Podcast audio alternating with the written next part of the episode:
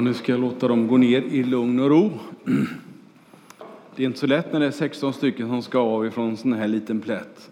Vi skulle behöva lite större scen. Undrar om det går att lösa det på något sätt. Det skulle vara spännande. Eller hur Alf-Göran och alla ni andra som är med i vår byggnadsdel och renovering och förnyelse av kyrkan.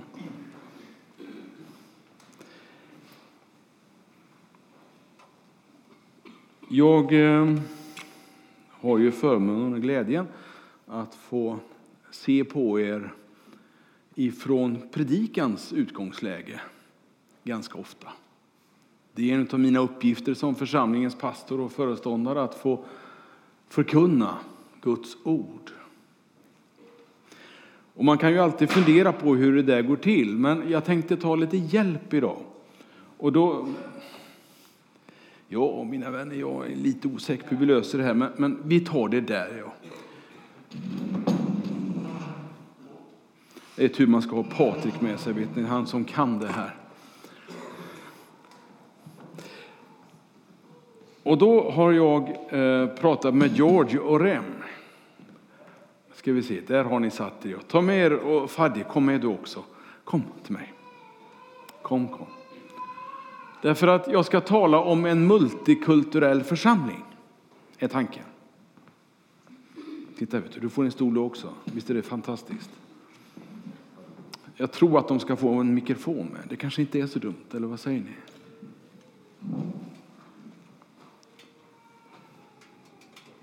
Ja, du, den var inte så enkel. Om det kanske går att dra? Ja, visst. De har gömt sladden. Om du håller i den så får du dela ut den sen till den du vill, eller till den som jag frågar. En multikulturell församling, vad är det? Är det bara ett vackert ord, ett vackert uttryck som rullar lite gott i munnen sådär när man säger det? Eller finns det också en praktisk betydelse? Ja, för mig finns det det. När samhället inte längre ser ut som det gjorde på 50-talet om det kom någon som inte talade svenska eller finska då, då fanns ju inte en jugoslaverna här i Sverige till någon större del i alla fall. Så var ju det en nyhet nästan på första sidan på lokalbladet. Och i kyrkorna, ja, det, där fanns det ju inte heller någonting annat än alla dessa härliga, vanliga svenskar. Men samhället har ju förändrats på 50 år. 60 år. Idag finns det en mångfald i samhället. Och min idé, min fundering är, ska Guds rike följa den utvecklingen? Ska Guds församling också bli en plats med många olika människor? Då hade vi inga flyktingproblem. Ja, vi hade haft massor under 40-talet. Då hade vi tyskbarnen här. Någon som hade något, något barn från Tyskland hemma i sitt hem? Ja, visst. Det förstår jag. Ja, visst. Det är flera här. Ja, men det är underbart. Alltså, det, det finns en lång tradition av att ta hand om och, och vara rädd om varandra på det sättet. Och nu när det för några år sedan blev väldigt oroligt och inbördeskrig i Mellanöstern, i Syrien, Irak. Då börjar människor fly hit. Och det är det som jag vill prata några ord om i början av min predikan. Så välkommen. Nu ska vi se. Jag har ju så svårt för namn, det har ni väl hört förut, eller hur? Var det något sån här rätt det jag sa, Remi? Jag heter Rim. Eh, vi kommer eh, från Syrien. Vi är i Sverige från två år och eh, fyra månader sedan. Underbart. Men ska vi se, när du har micken så har du den riktigt nära. Ja, det är jättesvårt, jag vet det, för det är en stor ful grej som kommer i ansiktet så här. Men ska det höras ordentligt så är det bra om vi gör det. En gång till. Att, ja, gör det en gång till. Jag heter Rim. Eh, vi kommer från Syrien, Aleppo-stan, fram två år och fyra månader sedan vi kommer till eh, Sverige Och eh, vi är jätteglada eh, i mina kyrkan. Eh, kyrkan eh, kyrkans folk eh, är familj, familj ja. Eh, samma familj till oss. Eh, de eh, kramade oss när vi kommer till eh, Tibro. Och, Vänta lite, vänta lite. Du får svara ju på alla mina frågor innan jag har ställt dem. Helt underbart. Fantastisk. Man får ju, får ju ändå försöka att leda den här intervjun lite grann. Det är lugnt, det är lugnt. Du behöver inte känna det. Har, ju- vi har ju pratat om det här lite grann, vad vi ska prata om och, och liksom, det bara rinner på när man blir nervös. Eh, Fadi, du är ju mm, sonen i familjen. Eh, hur var det att komma ung? Hur gammal var du när, när du kom hit? Eh, 14 år. 14 år. Jag undrar om vi kan riktigt tänka oss in i 14 år och flyr ifrån tryggheten, kompisarna. Det är inte bara att flytta till en annan stad. Det är att byta kultur, byta land. Allting. På samma gång så är du ju bara 14 år. Du har lätt för att utvecklas, du har lätt för att lära dig nya saker. Hur svårt var det? Hur lätt var det? Det är ganska svårt, men...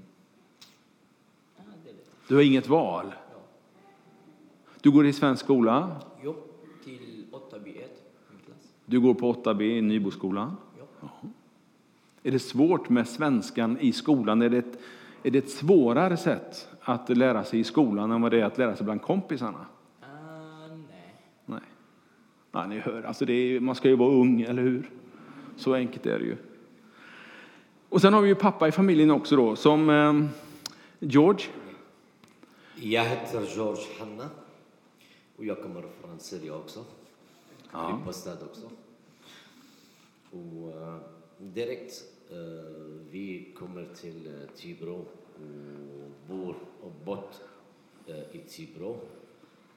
Efter lite tid uh, går till Varsos och bott eh, i Varsos lite, kanske åtta månader och tillbaka till, eh, till eh, Tibro eftersom vi älskar Tibro. Ja, det är det värt. Tack George. Eh, Jag ska inte fråga vad som var svårast med flykten, för det är säkert väldigt olika. Men du svarar ändå. Eh, Svårigheter när vi flyttade från Syrien till eh, Sverige.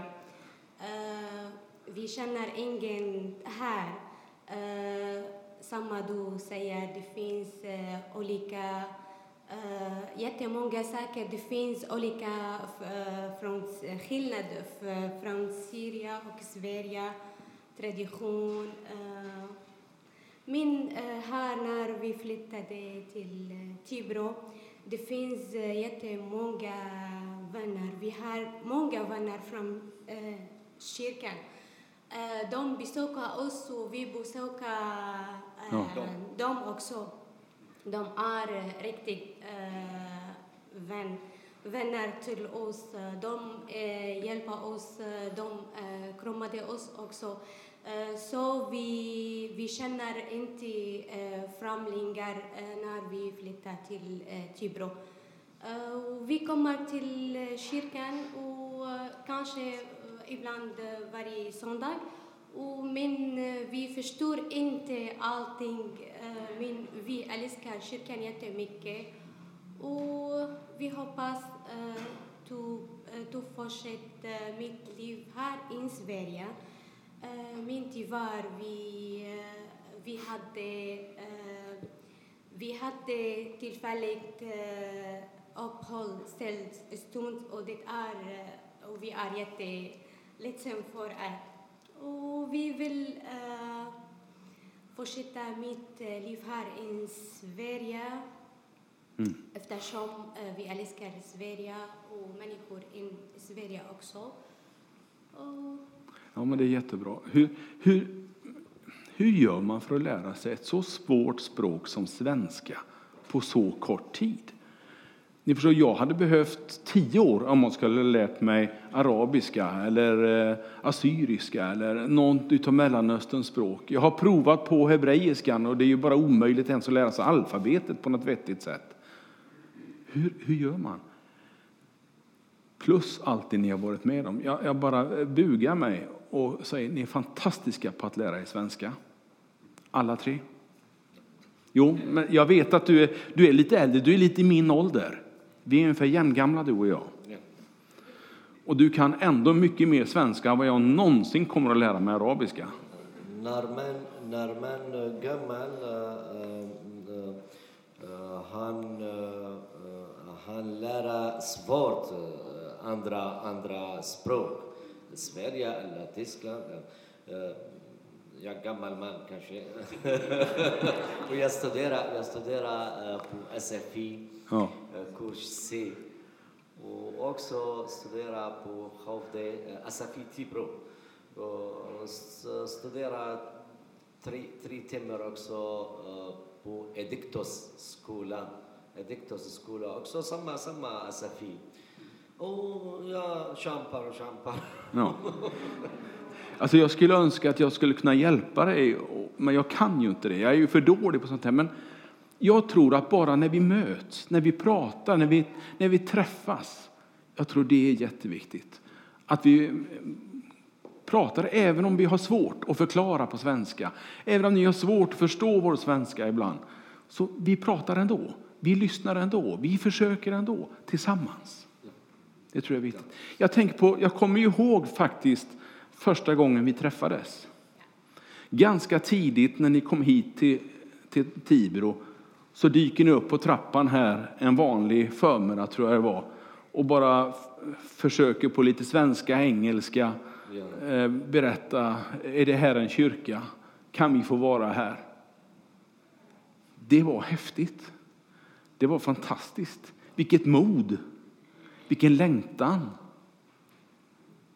Hur var det att, att komma till en så annorlunda kyrka som vår kyrka är mot den ni är van vid? Ja, varsågod. Eh, när vi flyttade till eh, Tibro, eh, vi kommer första plats, vi kommer till kyrkan och första personen vi träffade, du. Första gången vi pratade med dig engelska så vi, vi känner inte allting svenska. Och vi frågade om vilken tid kyrkan ska börja mm på söndag vi ska komma. Och vi kommer och, och vi älskar din kyrka som varit hem. Och vi älskar kyrkan och vi bara kommer till uh, Bengis kyrka i Tibro bara.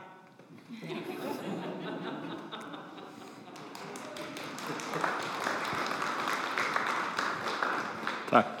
Det hade vi inte gjort upp. Rasist till Tibro kyrka. Om, om, om ni, ni skulle få hjälpa oss, hur skulle vi bäst kunna hjälpa er? Vad är, vad är det man behöver mest när man kommer som ny? Ni är ju jättenya, om man får uttrycka det så, i vår kyrka. Men det är nog svårt när man kommer ny till en kyrka, även om man kommer från Umeå eller från Kungälv så kan det vara svårt att komma till en ny kyrka. Hur uppfattar ni det? Hur, hur ska vi hjälpa er att känna er hemma i den här kyrkan? Jag vet inte. Nej. Du, du har ju varit med bland ungdomarna lite grann och, och, kommit in bland dem. Du har varit med i, eh, i eh, konfirmationsarbetet en del vet jag. Och så där. Har du fått vänner, kompisar? Ja. Också på Unite. Ja, just det, på Unite. Kan du förklara för mig och hjälpa mig så att jag kan göra bättre en annan gång? Uh, när vi kontakt med människor, det är jätteviktigt ut eh, till oss. vi kan lära svenska eh, bättre och bättre. Och eh, när, när vi också frågar dem om min, många saker och när också vi, vi gjorde fel när vi pratar svenska, Eh, De säger till oss att det är rätt. Det är jätteviktigt till oss. Eh, vi ska eh, göra mycket fel, ingen fara. Men vi vill eh, lära svenska bättre. Och vi vill bli också eh, svenska människor i Sverige. ja. De vill bli svenska människor i Sverige och pingstvänner i pingstkyrkan. Ungefär så. Jag tycker det är lite fantastiskt. Men hörni, jag tror att, att det här är någonting som är viktigt för oss att fundera på. Hur vi gör det här på ett bra sätt och kanske på ett bättre sätt. Jag, jag ska inte uppta er tid längre utan nu ska ni få koppla av lite grann och, och lyssna på, på mig istället. Men tack så hemskt mycket för samtalet. Och Gud välsigna er. Och tack för den glädje som ni sprider här i våran kyrka, till mig inte minst. Tack så mycket. Tack så mycket tack, tack till alla.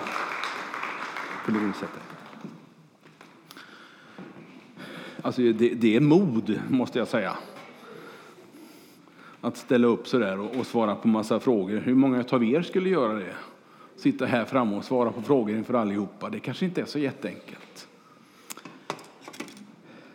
Ja, nu har jag tänkt då förstås att vi ska försöka att få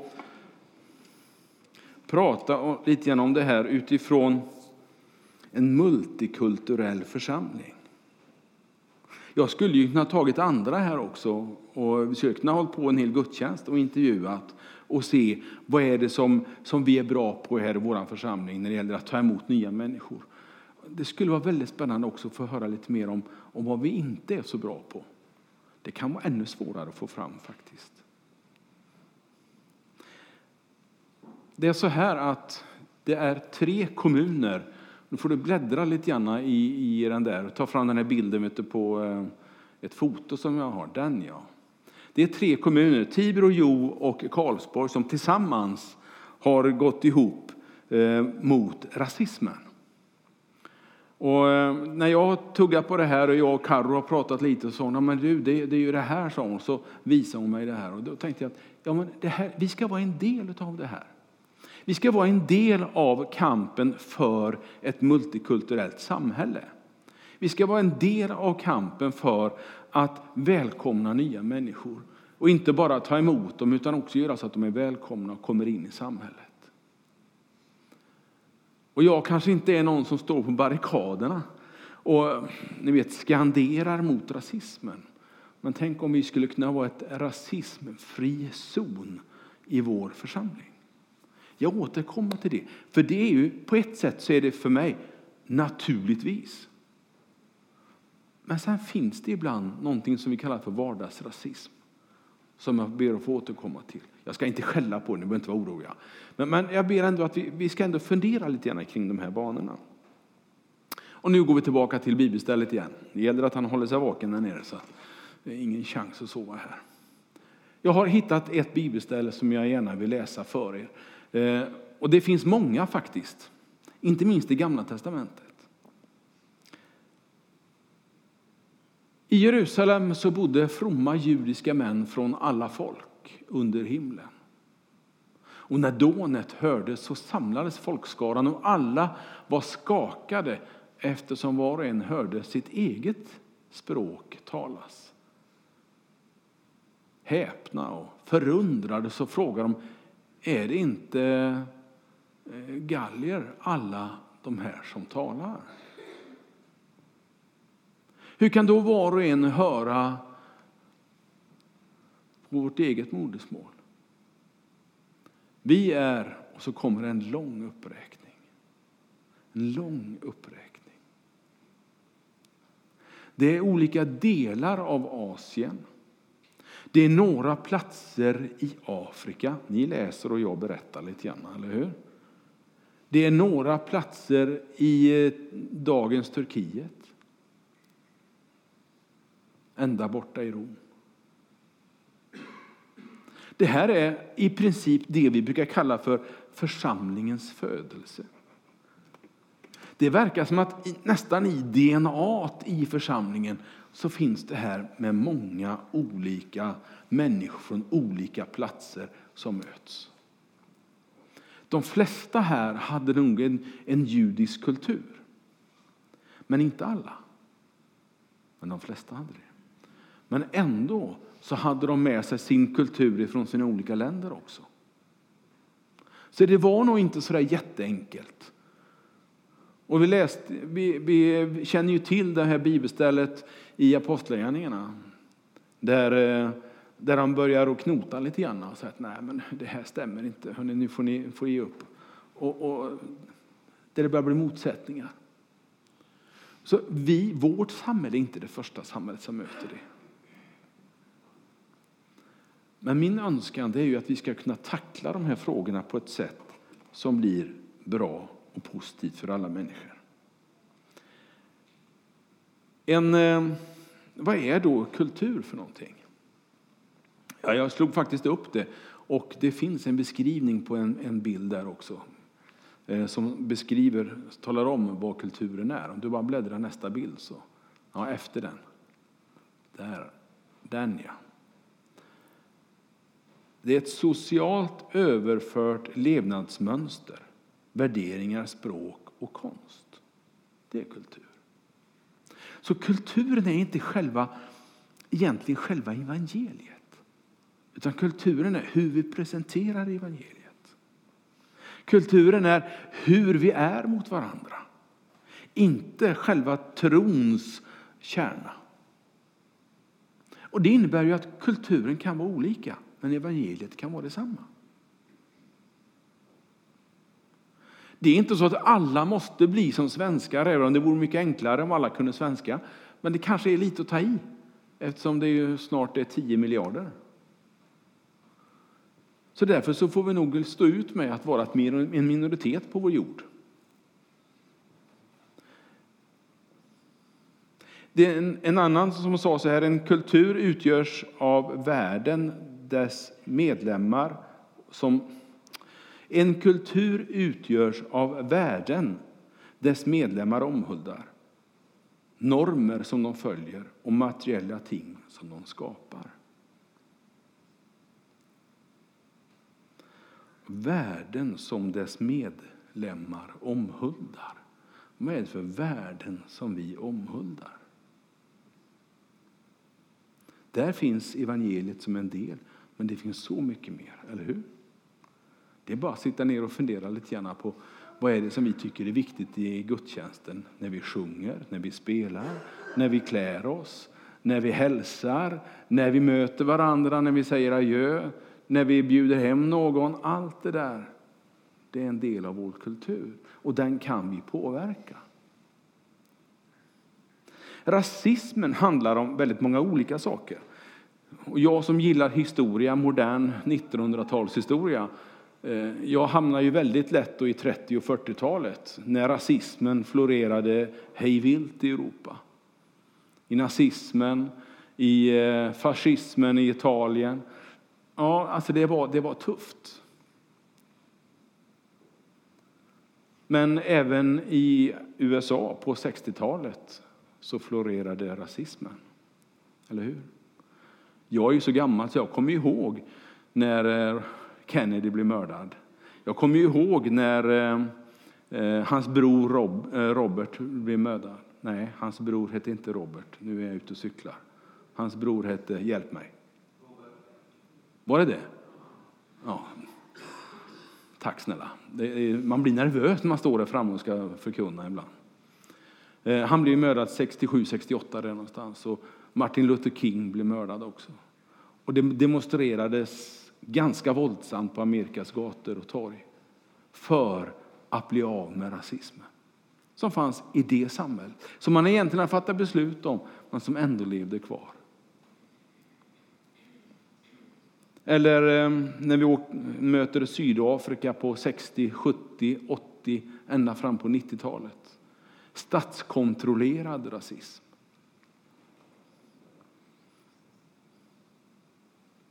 Men vi kan gå ännu längre tillbaka till 1800-talet och fundera lite grann på slavhandeln. För den, den är lite extra pinsam för mig som pastor. För där står alltså förkunnare av kristen tro och försvarar slavhandeln. Och då blir det pinsamt för mig. Jag kan inte försvara det. Och det var faktiskt en av de mera livfulla predikanterna och pastorerna i England som kämpade hårdast mot rasismen också, mot slavhandeln på den tiden. Han fick dock inte vara med när beslutet gick igenom att förbjuda slavhandeln, men i alla fall. Kan det då finnas rasism i kyrkan idag? Ja, som sagt, mitt historieintresse även gäller pingströrelsen och pingsts ursprung. Det fanns en liten kyrka, en liten församling som inte många visste var den låg och som inte var någon sån här megakyrka i början på 1900-talet. Den låg i Los Angeles på en gata som heter Azusa Street. Man säger att det var där som den moderna pingstväckelsen föddes. Det var en svart pastor i den församlingen. Och han och församlingen var överens om, man ritade en gul linje långt bak i kyrkan. Rätt igenom hela kyrkan. På tvären sådär. The yellow line gällde. Allt som gick, alla som gick genom den linjen och fram och satte sig sa också adjö till allt vad rasism hette. Till allt vad segregation hette. I den församlingen fick det inte finnas någon segregation. Men däremot visste de att det gick inte att förändra samhället, men de kunde förändra det de hade koll på. Så man, man bestämde sig för, och alla visste om den här gula linjen i den församlingen. Och kanske det finns än idag. Kanske inte i dess värsta former, det tror jag inte. Det vill jag inte tro. Inte någonstans. Och definitivt inte här. Men låt oss ändå hjälpas åt att hålla den religiösa rasismen utanför både vår kyrka och vår församling. Och på samma gång vara vaksamma över det som man kan kalla för vardagsrasism. Men låt mig gå till Bibeln och fundera lite ytterligare.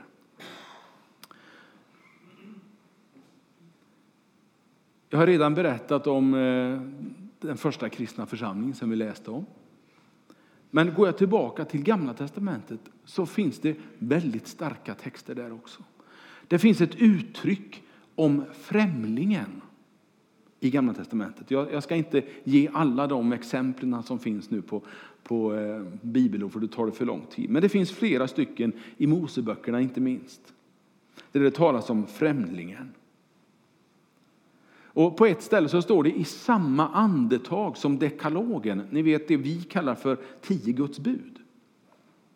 Det finns en uppställning på några ställen som vi sen har valt att kalla för tio Guds bud. Men det, det, är, det är, en konstruktion av oss.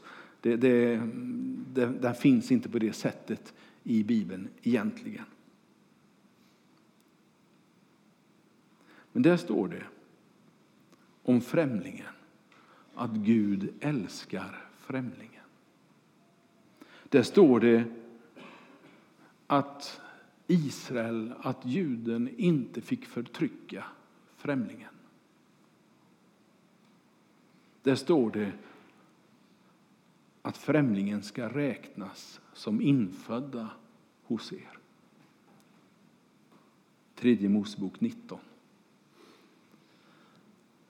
Och om Gamla testamentet kunde vara så tydliga, då menar jag att då är det någonting som vi i kyrka, i församling också ska kämpa för.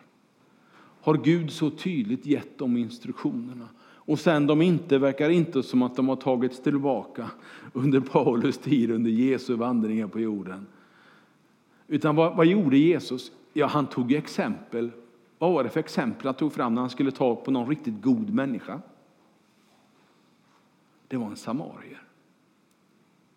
Vad var samarierna på den tiden? Jo, det var ett folk som juden i, i, i eh, ska vi säga, gemene man egentligen tog avstånd från. Man vände sig om när de kom. Man gick över på andra sidan gatan, man passerade inte genom deras, eh, genom deras bostadsområden. och så här. Men Jesus han lyfter fram Samarien och säger, titta här, det här är exemplet på en god människa. Titta vad han gjorde när han tog hand om den slagne mannen. Kommer ni ihåg berättelsen?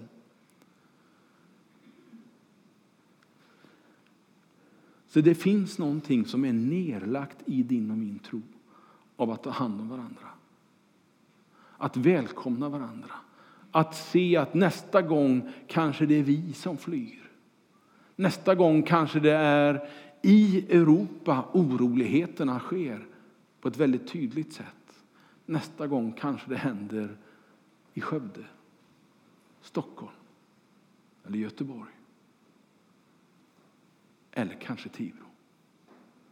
Och då skulle jag bli så glad om någon i Uppsala tog hand om mig när jag flydde dit. Om någon i Strömstad sa välkommen. Här, du får bo här en stund, ett tag, medan det lägger sig oroligheterna. Jag tror att det är så vi måste tänka för att riktigt förstå vad det innebär att vara på flykt. Att riktigt fundera på vad händer om det otänkbara sker. Jag tror att rasism i Bibeln räknas som en synd. Ja, det, jag vet att det är starka ord, men jag har fog för det. Jag tycker att när jag läser min bibel så är Jesus precis tvärs emot. Så är det Gud säger precis tvärs emot. Ta nu inte det här allt för politiskt. Men visst är det lite politiskt, det kan jag inte neka till. Men jag har försökt att hålla partipolitik utanför mig, utanför det jag är och det jag säger. Men politik är det ju. Och jag tror att rasism, där man nedvärderar andra människor på grund av härkomst, till exempel, det är helt fel. Det står däremot om välsignelse som följer de som handlar gott mot främlingen.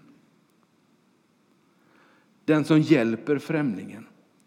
Och jag tror att den som hjälper och går i bräschen för att ta hand om asylsökande, som hjälper och går i bräschen för flyktingarbete, får välsignelse. Det är därför jag som jag har pratat om att starta ett ett, eh, ni vet, ett språkcafé och sådär. Det har inte varit så jätteenkelt, men vi ska åtminstone försöka. Vi ska åtminstone göra det vi kan för att hjälpa på olika sätt. Och vara välkomnande, precis som ni berättade här alldeles nyss. Gör som Gud gjorde och gör, för han älskar främlingen. Jag tror faktiskt att det är så att församlingen mår bättre om det finns olika kulturer. När det inte blir för mycket av samma sak. När inte alla är klädda på samma sätt, när inte alla tycker samma sak, när inte alla uttrycker sig på samma sätt. Utan när det blir lite uppblandat av olika människor, olika tyckanden, olika utseende, olika härkomster. Kort sagt, olika människor. Jag tror det är en välsignelse för Guds rike. För det blir lätt osunt när man går för mycket hela tiden snurrar kring samma grej. Så vi ska vara glada för alla som kommer in i vår församling, vill vara med här, men som inte har Tibro som sin födelseort. Som inte har liksom den här många åren här i Tibro. Vi ska välkomna dem. Vi ska säga välkommen hit. Välkommen hem till mig på en fika. Vill du ha en kopp te? Vi träffas hemma hos mig ikväll. Har du ingen att käka med idag på söndag eftermiddag? Kom hem till mig. Jag säger inte att ni är dåliga på det, men jag tror vi kan bli bättre.